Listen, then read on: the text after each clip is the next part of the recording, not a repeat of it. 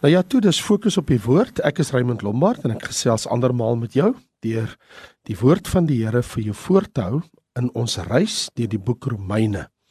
Daar is 'n God in die hemel wat kan sien en die vraag is, wat sien God as hy na die aarde kyk? Ons onthou dat in die dae van Noag het God ook gekyk en die Bybel sê en toe God sien dat die boosheid van die mense op die aarde groot was, en al die versinsels wat in sy hart bedink altyd deur net sleg was, het die Here berou dat hy die mense op die aarde gemaak het.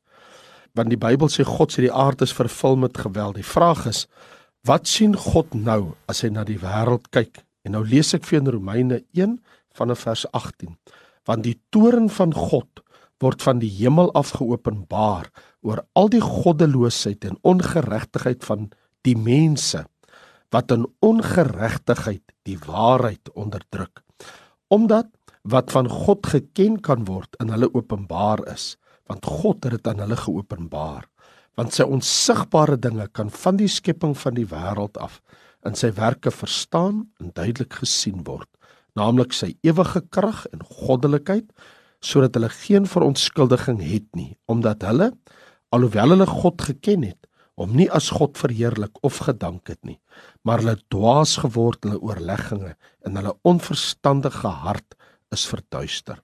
Terwyl hulle voorgee dat hulle wys is, het hulle dwaas geword en die heerlikheid van die onverganklike God verander in die vergelykvormigheid van die beeld van 'n verganklike mens en van voëls en viervoetige en kruipende diere. Daarom het God hulle ook in die begeerlikhede van hulle hart oorgegee aan onreinheid om hulle liggame onder mekaar te onteer. Hulle wat die waarheid van God verruil het vir die leuen en die skepsel vereer en gedien het bo die Skepper wat geprys moet word tot in ewigheid. Amen. Daarom het God hulle oorgegee aan skandelike hartstogte want hulle vroue het die natuurlike verkeer verander in die wat teen die natuur is en net so ook die manne die natuurlike verkeer met die vrou laat vaar en in hulle welles teenoor mekaar ontbrand. Manne het met manne skandelikheid bedrywe en in hulle self die noodwendige vergelding van hulle dwaling ontvang. En omdat hulle dit nie die moeite werd geag het om God in erkenning te hou nie, het God hulle oorgegee aan 'n slegte gesindheid om te doen wat nie betaam nie. Hulle is vervul met allerlei ongeregtigheid, hoerery, boosheid, hebsug, ondeug, volnydigheid, moord, twis, bedrog, kwaadaardigheid en nuustraars, kwaadsprekers, haters van God, geweldenaars, trotsaards, grootpraters, uitvinders van slegte dinge, ongehoorsaam aan die ouers, onverstandig, ontrou, sonder natuurlike liefde, onversoenlik, onbarmhartig. Mense wat al ken hulle die verordeninge van God goed, dat die wat sulke dinge doen, die dood verdien.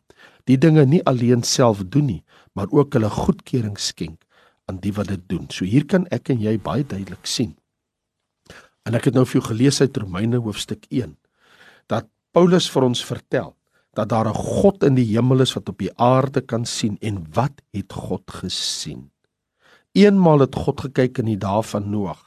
En wat het God gesien? Geweld, ongeregtigheid. En God het die hele aarde verdelg en net 8 mense het oorgebly. Nou kyk God weer na die aarde. En wat sien God hierdie keer? Wat gaan God hierdie keer met die aarde doen? Ek bedoel Petrus is mos nou duidelik in 2 Petrus 3 vers 7 dat die aarde hierdie keer met water sal verdelg, met vuur sal verdelg word en nie met water soos in die geval van Noag nie. En 'n mens kan seker vir jouself die vraag afvra, maar wat het verkeerd gegaan? Dat die God van die hemel 'n besluit geneem het, nie hierdie keer met water nie, maar wel met vuur. Nou inderwaarheid wat ons hier lees in die boek Romeine is dat alle mense is sondaars van nature. Dit beteken alle mense het behoefte aan Jesus Christus. Want die wêreld stuur op 'n rampspoedige einde af. Luister, Ek weet mense lag, ek weet mense spot wanneer mense oor die eindtyd praat.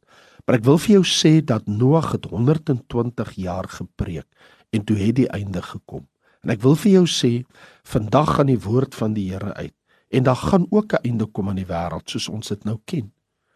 Die hele heidense wêreld is skuldig voor God en dis die prent wat Paulus hier helder skilder. Dit is 'n lelike een. Ek bedoel hierdie hoofstuk is nie 'n mooi hoofstuk nie. Hierdie hoofstuk Romeine hoofstuk 1 vertel vir ons wat God oor sondaars sê, is nie 'n mooi ding nie. Maar ons kan dit nie vermy nie. Ek bedoel God spreek tog immers die waarheid. En gaan 'n mens in die doene ontleding, dan kan jy eintlik sien daar's 4 stadiums wat die tragiese agteruitgang van die heidense wêreld vir ons grafies uitgebeeld word in hierdie hoofstuk. En dis 'n tragedie. Dit is om van te huil. Dit maak ons skaam wanneer ons gaan kyk dat ook Jesus het voorspel dat dit so gaan wees. Dit maak 'n mens skaam dat die wêreld so ver van God af weg neig dat dit glad nie aan God te oorgee nie. Ek bedoel Jesus homself het in Lukas hoofstuk 17 geprofeteer en soos dit gebeur het in die dae van Noag, sal dit ook wees in die dae van die seun van die mens. Hulle het geëet en gedrink, hulle het getrou en in die huwelik uitgegee tot op die dag dat Noag in die ark gegaan het en die sonvloed gekom het en almal vernietig het. Net soos dit gebeur het in die dae van Lot.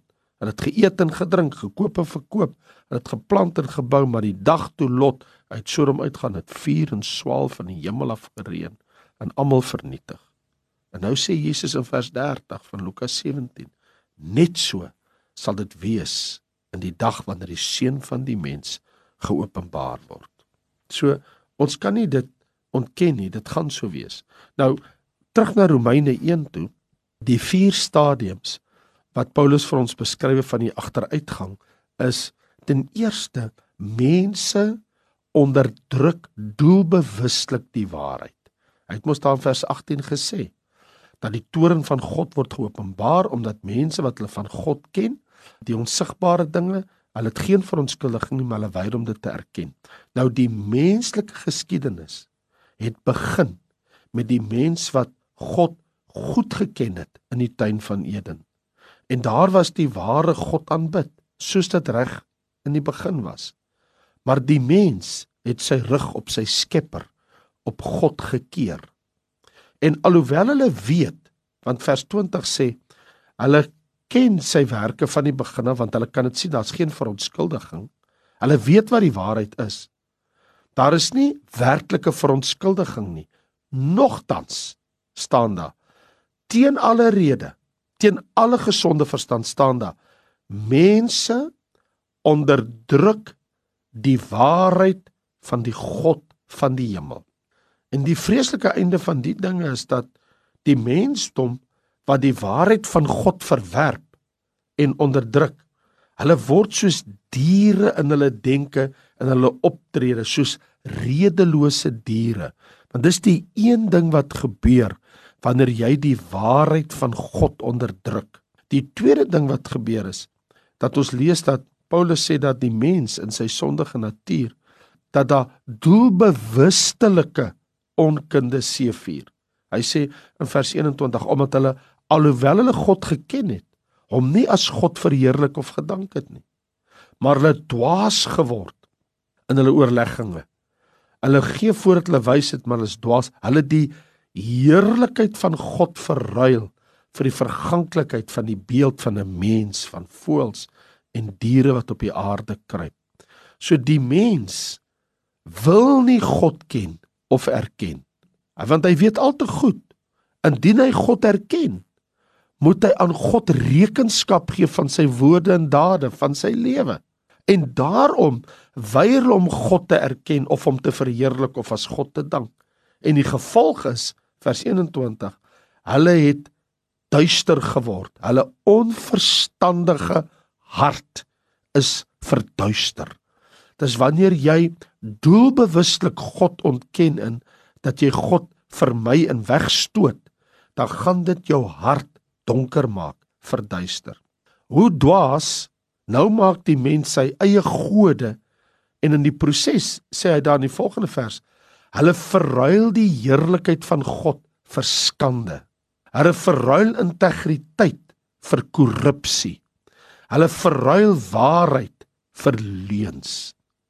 Die mens se hoofgod op sy lys is nou die eie self. Die eie ek, die heerlike self. En hy daal nou na die vlak van vers 23 wat vir ons sê hulle het gedaal na die beeld van verganklike mense, voëls, viervoetige en kruipende diere. Want dis wat nou gebeur. Wanneer jy God ontken, wanneer jy weier om aan God erkenning te gee, dan begin hierdie dinge gebeur. Ons het ten eerste gesien dan beteken dit dat almal gaan skuldig voor God staan omrede en dit kan ons baie duidelik sien daar word die waarheid word onderdruk. Ten tweede het ons gesien daar's hierdie doelbewuslike onkunde. Hulle wil net nie weet nie, wil in duisternis wandel. En dan sien ons hier in in vers 24, daar's die sondige passies in die hart van die mens. Vers 24 tot 27 sê: Daarom het God hulle oorgegee in die begeerlikheid van hulle harte aan onreinheid. Hulle het hulle liggame onder mekaar onteer. Mense die waarheid van God verruil vir 'n leuen. Die skepsel, is vir hulle meer as die skepper. Die vroue die natuurlike verkeer verander teen wat die natuur is. Die manne die natuurlike verkeer verander met die vrou teen wat die natuur is. En omdat hulle God nie erken het nie, is daar 'n vreeslike ding wat gaan gebeur. So nou sien ons van afgodery tot immoraliteit is maar net een kort tree. Want as die mens eers sy eie god is en hy sien homself as die hoogste gesag, kan hy mos nou doen wat hom behaag om al sy sondige begeertes uit te leef sonder enige vrees vir die oordeelsdag, sonder enige vrees vir die hel. Want wanneer hy God uit die when you take God out of the equation, dan het jy hierdie hoogtepunt wanneer jy die godswaarheid vir die Satan se leuen verruil. Die duiwel het mos nou hoeka al vir Eva in die tuin van Eden gelieg. Hy gesê het jy sal soos God wees. En wanneer jy God wegstoot, dan wil jy jou eie God wees. En nou leef jy jou eie sondige passies uit. En dit natuurlik gaan 'n absolute destruktiewe invloed in mense se lewens hê, want dit bring vir jou vir die volgende stadium. En dit is wat hier staan in Romeine 1 van vers 28 omdat hulle dit nie die moeite werd geag het om God in erkenning te hou nie, het God hulle oorgegee aan 'n slegte gesindheid om te doen wat nie betaam nie. So wanneer mense onberouvol is en onboetvaardig is en nie wil erken en bely nie hulle sondige lewe voor God dan sien ons die onvermydelike gevolge, die tragiese gevolge van die mens se sondes. Want nou dat God die mens oorgee aan homself, hy los die mens, die gevolg is nou gaan alles eskaleer. Maar nou kan ons sien tot watter mate vererger alles. En Paulus lys hier 24 sondes onder die mens en elkeen van hulle is met ons vandag. En hier is hulle. Hy sê wanneer jy God nie meer in erkenning hou nie en God gee oor in jou slegte hart, dan word jy vervul met en luister wat sê hy. En hy het 'n lys van 24. Hy sê jy word vervul met allerlei ongeregtigheid, hoerery, boosheid, hebsug, ondeug, nydigheid, moord twis, bedrog, kwaadaardigheid, nuusdraers, kwaadsprekers, haters, geweldenaars, trotsaards, grootpraters, uitvinders van slegte dinge, ongehoorsaam aan die ouers, onverstandig, ontrou, sonder natuurlike liefde, onversoenlik, onbarmhartig. Al hierdie vreeslike dinge. En die ergste kom nog want die mense wat hierdie dinge nie alleen doen nie, hulle moedig ook ander mense aan om dieselfde te doen. Want mense wat mos in sonde leef, wil dit mos nie alleen doen nie. Jy wil mos sê ander mense moet saam met jou die sonde doen. Daarom sien ons in vers 32, hy sê mense wat al ken hulle die verordeninge van God goed, dat die wat sulke dinge doen, hulle verdien nie dood. Hy sê, maar hulle skenk ook hulle goedkeuring aan die wat dit doen. My vraag is, wat staan my en jou te doen? My antwoord aan jou is Jesus het vir ons 'n woord en ons moet na hom luister. Petrus het ook 'n woord. Ons moet ook na hom luister.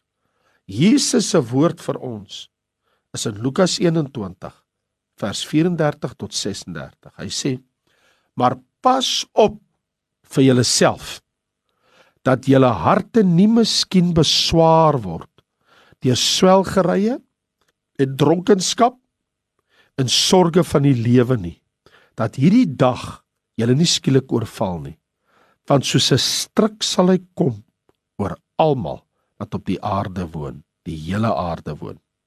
Waak dan en bid altyd deur sodat jy waardig geag mag word om al die dinge wat kom te ontvlug en voor die seun van die mens te staan. Jesus sê: Pas op vir jouself. Meer as enigiets anders. Meer as vir die duiwel, meer as vir jou man en jou vrou en jou kinders en jou vriende en jou kollegas en die wêreld en vir sondaars en vir, vir mense wat wat jy maar kan dink wat jou miskien in 'n ander rigting kan stuur. Meer dan enigiets anders, pas op vir jouself. Jesus sê: Pas op vir jouself. Lukas 21 vers 34. So hier is die waarskuwing. Let op jou eie hart. Die tweede persoon wat ek wil hê wat ek net vir 'n oomblik aan moet aandag gee wat hy sê is 'n vriend van Jesus. Sy naam is Petrus. En Petrus sê in 2 Petrus hoofstuk 3 vers 11 Terwyl al hierdie dinge vergaan van die dag van die Here kom soos 'n dief in die nag sê hy. Ander woorde julle wat die Here se koms verwag. Hy sê terwyl hierdie dinge vergaan hier op die aarde hoe danig moet julle nie wees in heilige wandel in God se vrug nie? En hy sê vir ons daar in vers 14 van 2 Petrus 3 maar ons verwag volgens sy belofte nuwe hemele en 'n nuwe aarde. Want hierdie huidige hemel en aarde gaan mos nou verbrand en nou sê hy: Geliefdes, terwyl jy die dinge verwag, beywer julle.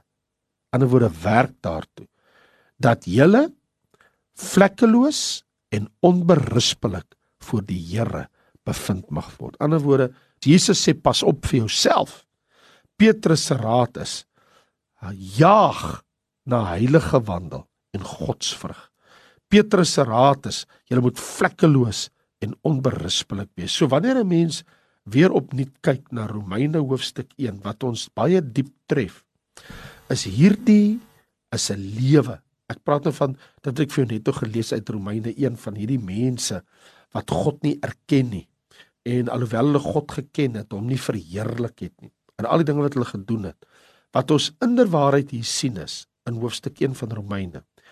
Hierdie is die lewe van die mens wat God buite rekening laat. Hulle wil in hulle sonde leef. Hulle wil in hulle vuil sonde voortgaan. En nou is daar 'n slotwoord van die Here Jesus Christus homself in Openbaring 22 vers 11 wanneer hy sê: Wie onreg doen, laat hom nog meer onreg doen. Wie vuil is, laat hom nog vuiler word. Laat die regverdige nog regverdiger word en laat die heilige nog heiliger word. So die Here sê, jy wil in jou sonde leef, leef dan in jou sonde. Jy wil vuil wees, word nog vuiler. Jy wil onreg doen, doen nog meer. Want daar kom 'n dag wat ek jou sal oordeel en ek sal al jou sondes in jou lewe straf. Maar vir God se kind sê die Here, is jy regverdige, word nog regverdiger. Is jy heilige, word nog heiliger.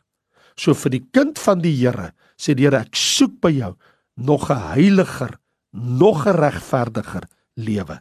Vir die sondaar sê God, as jy dan weier om jou te bekeer, gaan voort want ook die dag van oordeel sal oor jou lewe voltrek word. Dis 'n vreeslike woord. En ek en jy kan hierdie dinge nie ontken nie. Dit staan in die woord van die Here. En ek wil jou aanmoedig om eerder na die Here toe te kom met 'n gebroke hart en sy vergifnis te vra en om te soek sy aangesig en as jy kind van God is nog regverdiger nog heiliger mag die Here vir jou seën met hierdie woorde volgende week sit ons ons reis deur die boek Romeine voort baie dankie en totsiens